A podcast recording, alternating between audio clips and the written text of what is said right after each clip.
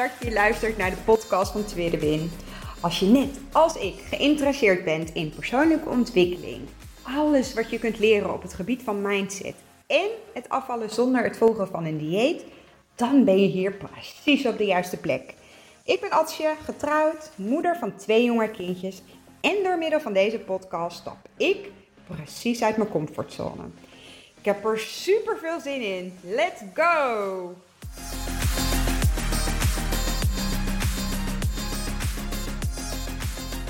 Hallo, hallo. Super leuk dat je weer luistert naar een podcast van Tweede Win. Het is dinsdag en ik heb vandaag weer, nou ja, weer. Maar voor mezelf is dit echt zo'n ding. En uh, ik ben gewoon echt eventjes, uh, nou ja, super trots op mezelf dat ik uh, het gewoon weer gedaan heb. Want ja, ik ben weer naar de tandarts geweest. Of tenminste, niet zozeer de tandarts, deze keer eerder de mondhygiëniste.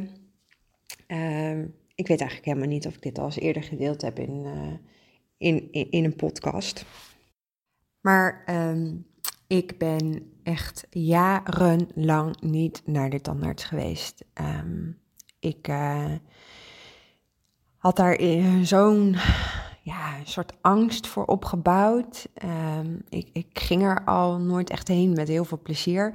Ik had uh, in mijn studententijd wel een hele fijne tandarts. Um, maar uh, als kind echt eentje totaal niet. En uh, nou, sinds ik uh, in Jouren woon, ehm, heb ik een, had ik een tandarts waar ik me ook zo niet prettig bij voelde. ik snapte die man niet, die man die snapte mij niet. We hadden gewoon totaal geen klik. Hij, hij, gaf mij ook niet het vertrouwen dat hij nou ja, wist wat hij aan het doen was. Niet zozeer dat ik twijfel aan zijn expertise of standaard zijn, helemaal niet. Maar iedere keer als ik daar kwam, dan dacht hij dat, hij, dat ik voor iets anders kwam. En nou, er was ook gewoon een cultuurverschil. Hij vond dat ik me niet zo moest aanstellen vanuit zijn perspectief. En ik vond dat hij juist mij moest begrijpen. Nou goed, lang verhaal. Ik ben daardoor jaren niet naar de tandarts geweest. En uh, vorig jaar volgens mij rond deze tijd, um, nou ja, ik ben natuurlijk al een poosje bezig met uh, mindsetveranderingen en met goed voor mezelf leren zorgen en persoonlijke ontwikkeling. En um, daar hoort dit stukje hoorde daar ook heel erg voor mezelf bij. Dus vorig jaar rond deze tijd heb ik de telefoon gepakt en de tandarts weer gebeld en gevraagd of ik een afspraak kon maken. En dan bij een andere tandarts had ik in het verleden ook al eens een keertje eerder gedaan. Maar toen werd ik een beetje afgescheept. Zo van nee, dat kan niet. Het zit allemaal vol. En ik dacht, ik ga nu gewoon niet eerder ophangen dan dat ik een afspraak heb met een andere tandarts binnen dezelfde praktijk. Uh, en dat was gelukt. En dat was stap 1. Alleen uh, blijkbaar is er ook iets van een tandartsentekort of zo in Nederland. Want ik kom pas over een half jaar terecht. Nou, en dat was precies in de periode dat, of was precies dezelfde dag dat Elbrecht geopereerd werd uh, in het AMC aan haar tumor. Dus toen moesten we de afspraak afzeggen. Nou, en dan raad je het al, dan zit het natuurlijk nog steeds bommetje vol. Dus um, we konden pas uh, een paar weken geleden terecht. Nou, daarin uh, was de eerste stap daadwerkelijk gemaakt. Jurre en Elbrecht waren ook voor het eerst in hun leven naar de tandarts ben ik niet trots op. Maar goed, uh, ik heb het wel gedaan en daar ben ik wel heel erg trots op. En vandaag was ik dus bij de mondhygiënist. En het eerste wat ze. Nou ja, ze, ze stelde gewoon zo uh, zulke mooie vragen. En dat, dat zorgde er zo voor dat ik nou, een soort van adem kon halen. Ja, het voelt misschien heel gek als je niet een angst hebt voor een tandarts of een mondhygiënist of wat dan ook. Maar nou, ik, ik stond al, ik heb vannacht ook niet goed geslapen. Je gaat je toch ja, piekeren of zo, terwijl het ook zo niet helpend is. Maar goed, dat hoort erbij. Ga ik ook niet tegengas tegengeven of weerstand tegen hebben. Een nachtje minder slaap, daar wordt niemand uh, minder van. Ik stond ook op met rugpijn. Dat is altijd een zwakke plek als ik ergens gespannen uh, voor ben of als ik nou gestrest ben, dan gaat heel snel mijn rug op slot. En, uh, maar goed, ze stelde zulke mooie vragen en gewoon uh, echt van die vragen waarvan ik dacht, oh, jij weet wel echt waar je het over hebt. En, um, de, het komt ook gewoon omdat ik een tandvleesprobleem heb. En daarvoor ben ik ook naar een specialist geweest uh, jaren terug. Maar goed, zij stelde zulke vragen waarvan ik dacht: oh, oké, ik stel me dus niet aan. Uh, en uh, vervolgens ging ze in mijn mond kijken en toen uh, zei ze van, nou, ik vind eigenlijk dat je het heel goed doet. Nou, dat zorgt ook voor dat je, nou ja, iets meer uh, rust ervaart en uh, vertrouwen krijgt. Uiteindelijk heb ik een half uur in de stoel gezeten. Dat was niet leuk, want mijn tandvlees gaat heel snel bloeden. Um, en ik heb er nu nog last van. Maar goed, het was het waard. En het eerste wat ik heb gedaan toen ik thuis kwam, is mezelf um, gaan belonen. Eh, en niet in de vorm van eh, eh, eten of iets lekkers halen of wat dan ook. Maar ik heb mezelf een cadeautje gedaan door het online te bestellen. Want het is hier niet ergens in nou de buurt, volgens mij in de winkel te koop. Het is een, een plankje met droogbloemetjes eraan en een kaartje heb ik er nog bij gedaan. dat mijlpijlen zijn er om zelf de slingers aan op te hangen. Nou, vond ik heel erg toepasselijk. Komt morgen binnen, kan niet wachten. Kan ik uh, uh, ook uh, koppelen aan de andere afspraken die ik nog mag hebben. Maar die staan uh, eind maart pas op de planning, want ja, er is nog steeds een wachtlijst. Maar goed, ik, ik klets al heel wat over een tandartsbezoek, maar het heeft wel deels te maken met het onderwerp waar ik vandaag over wil hebben. En dat is dat um, nou ja, bepaalde angsten, bepaalde patronen, bepaalde uh, beperkende overtuigingen, die zijn er niet zomaar. Die komen ergens vandaan.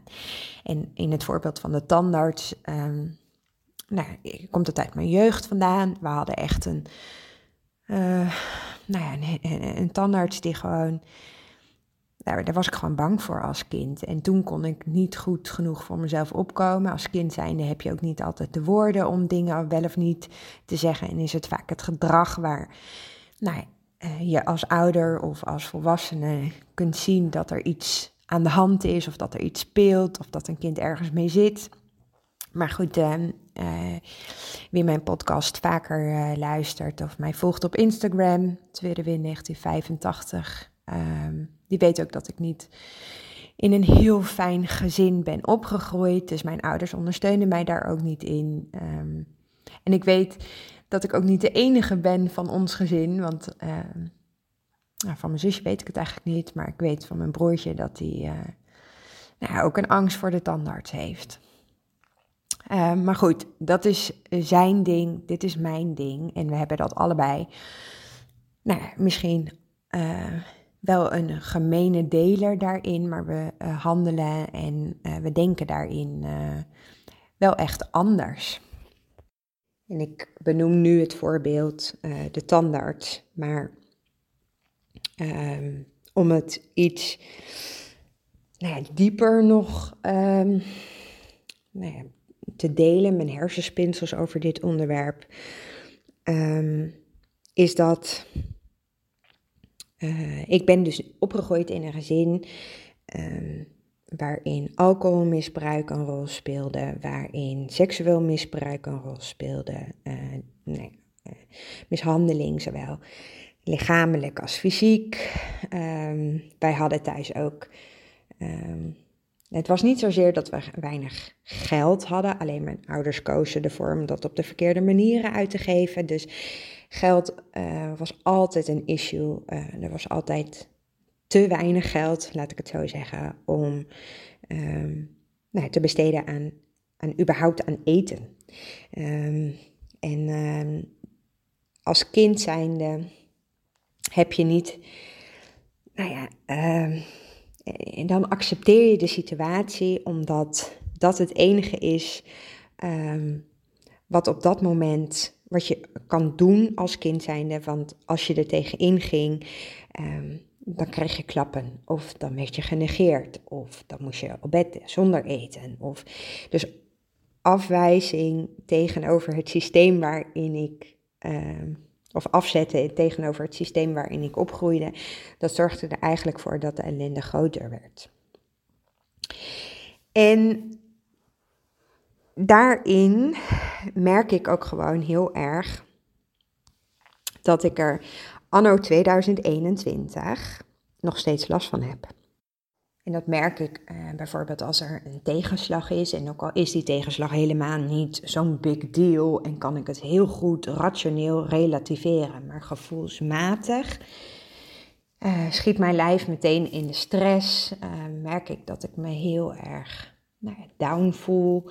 Ik wil niet zeggen depressief, want dat is niet wie ik ben, maar ik kan wel echt depressieve gevoelens uh, ervaren.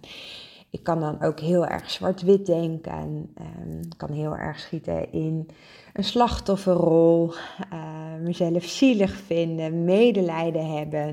Het gevoel hebben dat de hele wereld tegen mij is.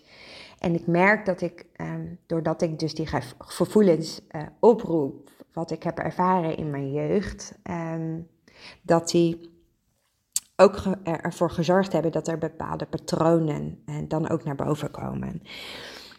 En dat, uh, die belemmerende uh, overtuigingen, die patronen, die gevoelens, die zijn ontstaan vanuit mijn jeugd. Um, en heel lang heb ik, um, nou laat ik het zo zeggen, ik ben daar zo lang niet bewust van geweest dat dat het geval is. Uh, ik vond mezelf nooit goed genoeg en dacht dat het probleem bij mijzelf lag.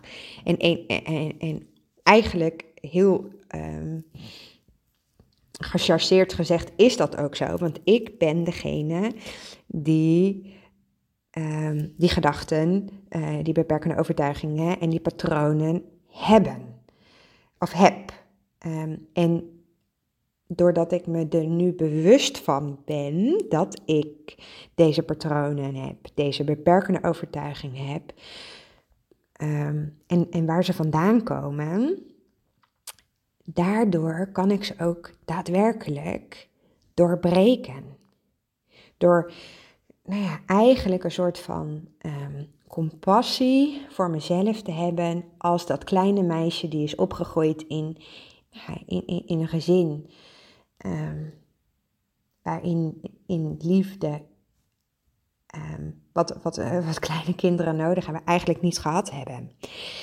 En um, ik zou heel hard tegen mezelf, en dat, en dat heb ik jaren gedaan, we zijn zo als volwassenen zo streng of hard voor onszelf, dat we, sorry, dat is uh, een reminder van mijn agenda, dat we bepaalde gevoelens, emoties of gedachten niet mogen hebben. Maar als ik um, naar mezelf kijk, als dat kleine meisje die dezelfde gevoelens, gedachten en patronen heeft, dan zou ik haar troosten.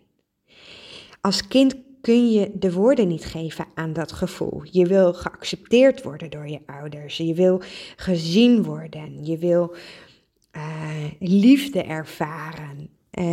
En uh, als volwassene nu is het dan toch gek dat ik boos word op mezelf, dat ik het afkeur van mezelf, dat ik deze gevoelens, patronen, gedachten heb. Dat is toch eigenlijk gek? En dit weekend had ik er nou ja, heel erg last van. Ik heb er ook wel wat over gedeeld in mijn stories. Omdat voorheen werd ik dus heel boos op mezelf of uh, ging ik mezelf heel erg oppeppen. En uh, ik weet dat ik van mezelf niet zozeer een negatief mens ben. Uh, ik ben eh, eigenlijk heel vaak gewoon positief. Maar dat wil niet zeggen dat ik dat 24/7 op een dag ben. En dat wil ook niet zeggen dat ik dat altijd ben ik probeer wel altijd weer het positieve op te zoeken. En, en nou ja, na een paar dagen, uh, of een paar dagen later, kan ik dat ook heel goed re relativeren weer. En, en, zie ik ook weer, nou ja, door, nou, door dit proces, door deze gevoelens, door deze gedachten, ook weer in dat ik weer een stapje verder ben gekomen. En dat is dan het positieve wat ik eruit kan halen. Maar op dat moment, nou, dan kan ik dat helemaal niet. Uh, en wat ik, uh, als er één ding is wat ik geleerd heb, dan is dat weerstand hebben tegen deze gevoelens, tegen deze beperkende overtuigingen en de patronen die daardoor naar boven komen, uh, maakt het alleen maar nog groter. Um, dus eigenlijk wil je lijf aangeven of je brein aangeven dat je pijn hebt. Dat het ergens last van heeft. En in dit geval, eh, ik had er donderdag ook in de podcast wat over gezegd. Ik zat in een slachtofferrol. Um, en, en, dat wil niet zeggen dat ik er meteen uitkom. Um, ik ga wel bij mezelf nadenken, waar komt dat dan vandaan? En bij mij komt het dan heel erg het stuk naar boven, het gevoel dat ik niet van waarde ben, dat ik niet goed genoeg ben. En dat is dan ook mijn negatieve bril die ik op dat moment dan op heb uh, gezet. Want dan vind ik dat uh, Daniel, mijn partner, mij niet genoeg gewaardeerd. Terwijl Dat is wat ik op dat moment alleen nog maar uh, zo ernaar kan kijken. Hè? Want het is absoluut niet zo. Maar doordat ik zo'n negatieve bril heb opgezegd, is dat ook het enige wat ik nog maar zie. En alles wat er gebeurt in en rondom huis, dat ga ik daaraan koppelen. En doordat mijn mindset zo gefocust is op dat stukje, uh, kan ik ook niet anders kijken. Dan is mijn focus daar zo op gebrand dat het heel lastig is om, om daaruit te komen. En ik vind het anno 2021 best bijzonder dat we over dit soort dingen niet praten. Um, en eigenlijk is dat best gek als je ziet dat er heel veel mensen gewoon last van dingen hebben. Uh, kijk maar naar uh, verschillende mensen in mijn omgeving hebben een burn-out of hebben een depressie. Um, en, en dat komt natuurlijk ergens vandaan, want wij leggen die lat voor onszelf zo ontzettend hoog. Um, en, en blijkbaar vinden we het ergens ook normaal. Het is genormaliseerd binnen onze maatschappij. Het is een soort van collectief gevoel. Want we vinden het heel normaal om maar heel druk, druk, druk te zijn. Uh, en uh, we zien dat het niet altijd even goed gaat met die ander. Maar dat gesprek daarover, dat hebben we niet met elkaar.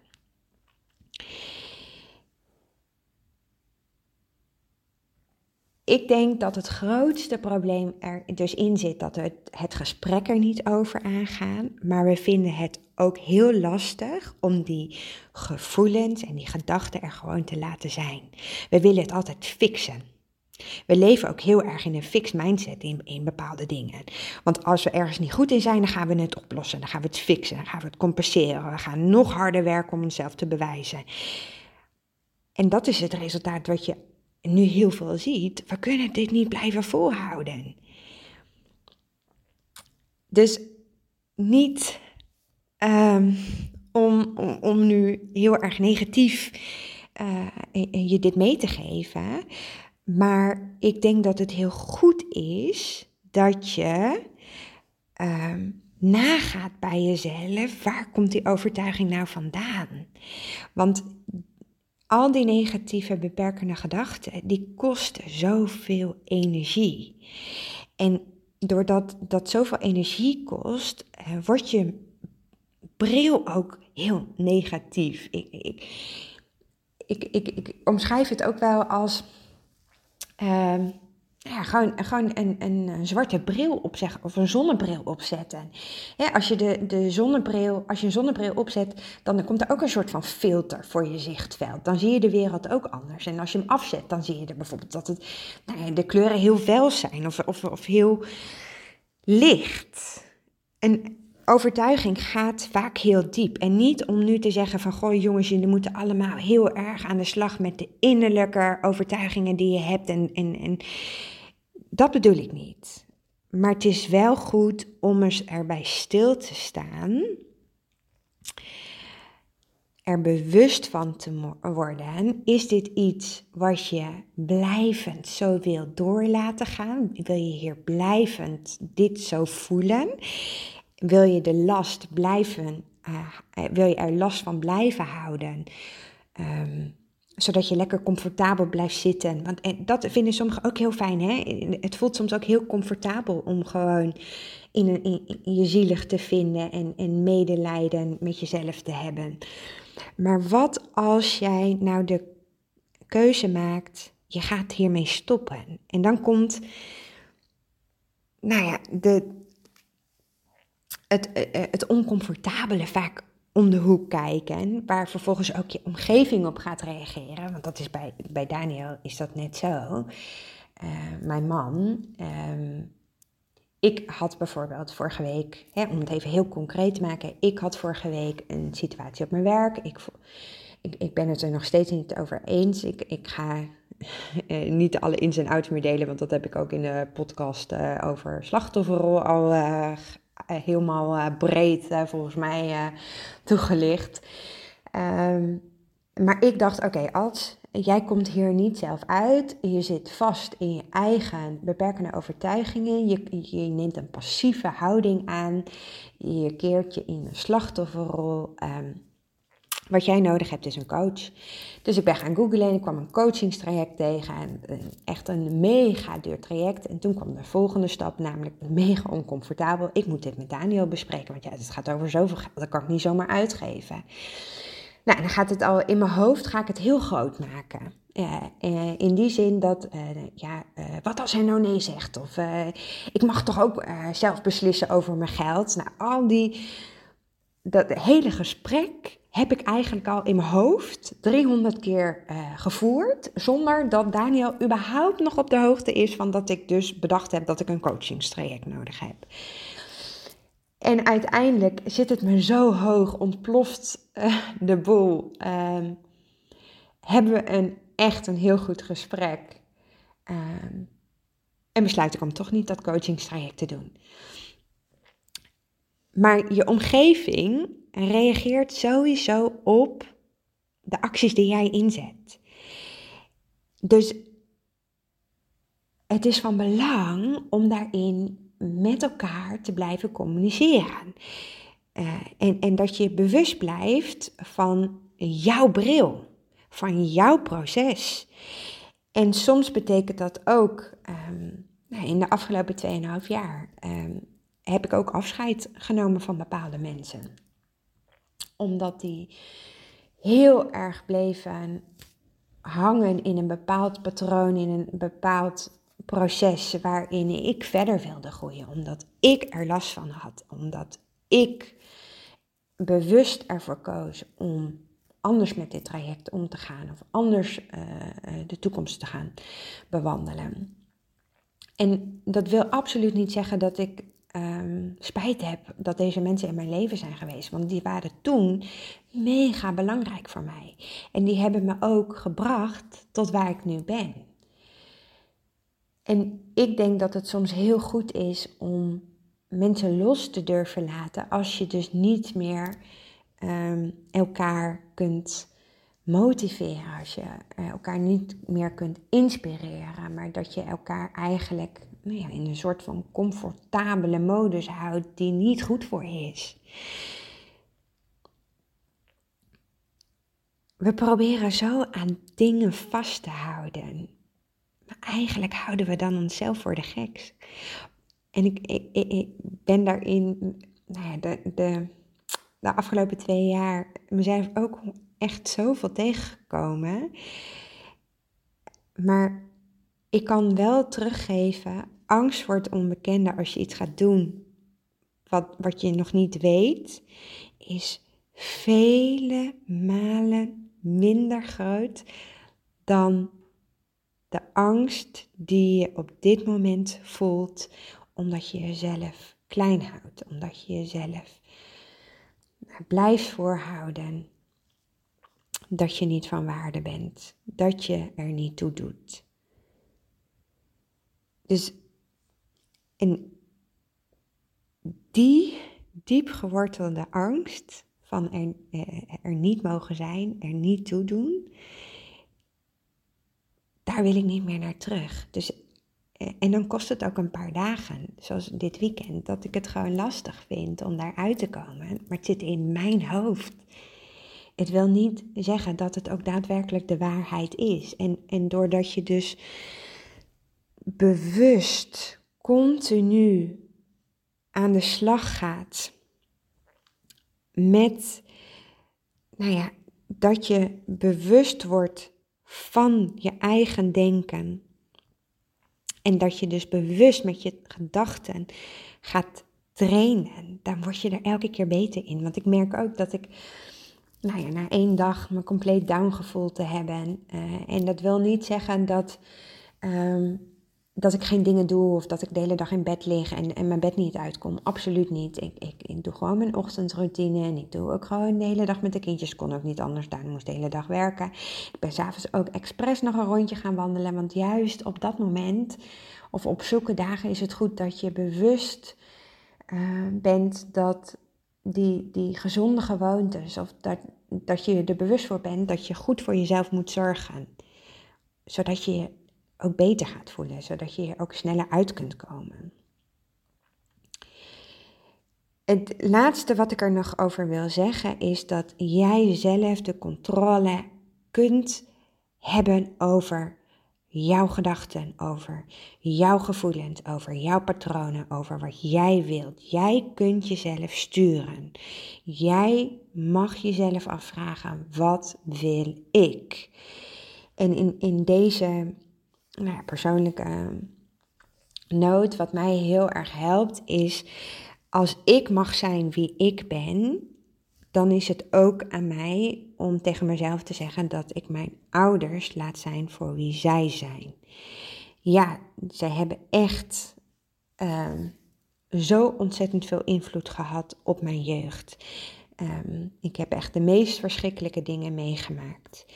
Ehm, maar zij zijn niet verantwoordelijk voor de situatie waarin ik nu zit alles wat gebeurd is in het verleden, is in het verleden gebeurd. En ik ben degene die ervoor kiest, bewust of onbewust, om die beperkende overtuigingen, om die patronen, om die gevoelens naar het hier en nu te halen.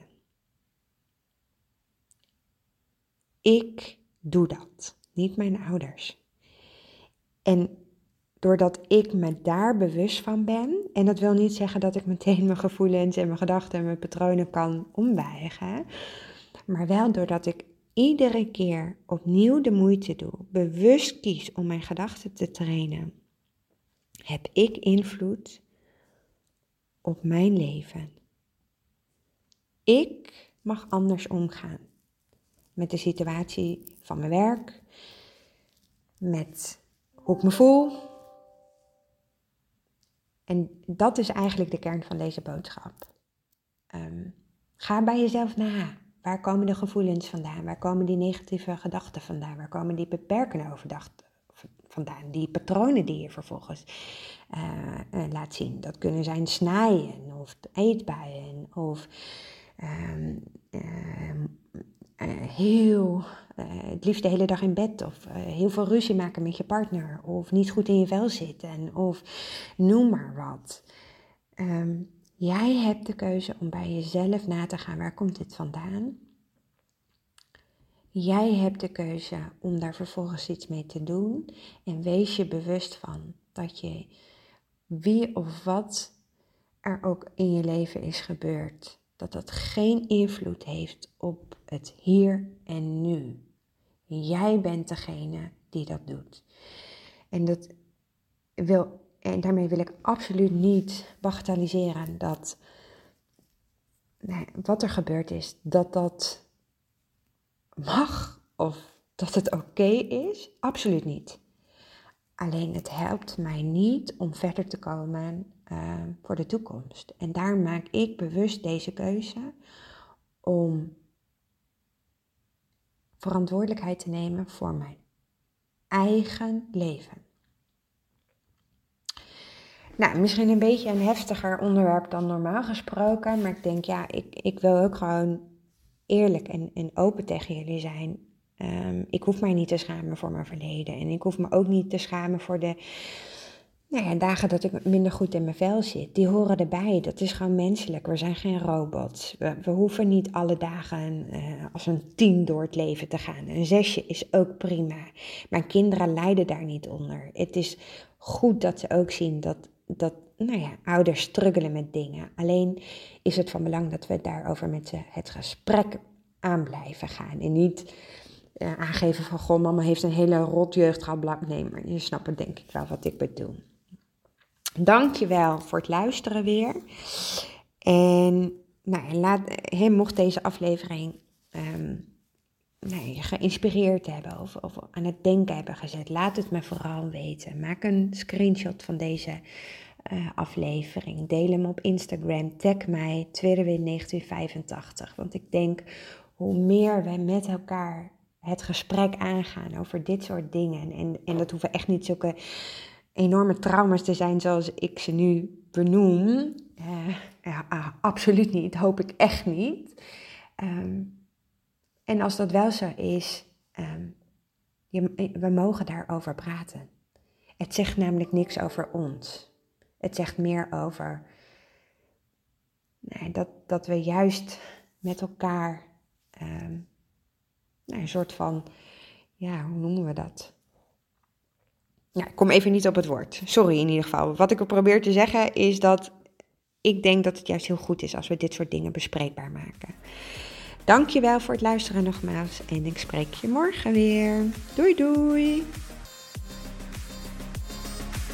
Super, super leuk dat je geluisterd hebt naar deze podcast. Mocht je hem nou interessant gevonden hebben, heb ik je mogen inspireren, laat het mij dan vooral weten. Tag mij op Instagram, stuur me een DM, want ik vind het gewoon super leuk om te zien wie er luistert. Mega, mega dankjewel voor vandaag en tot de volgende keer.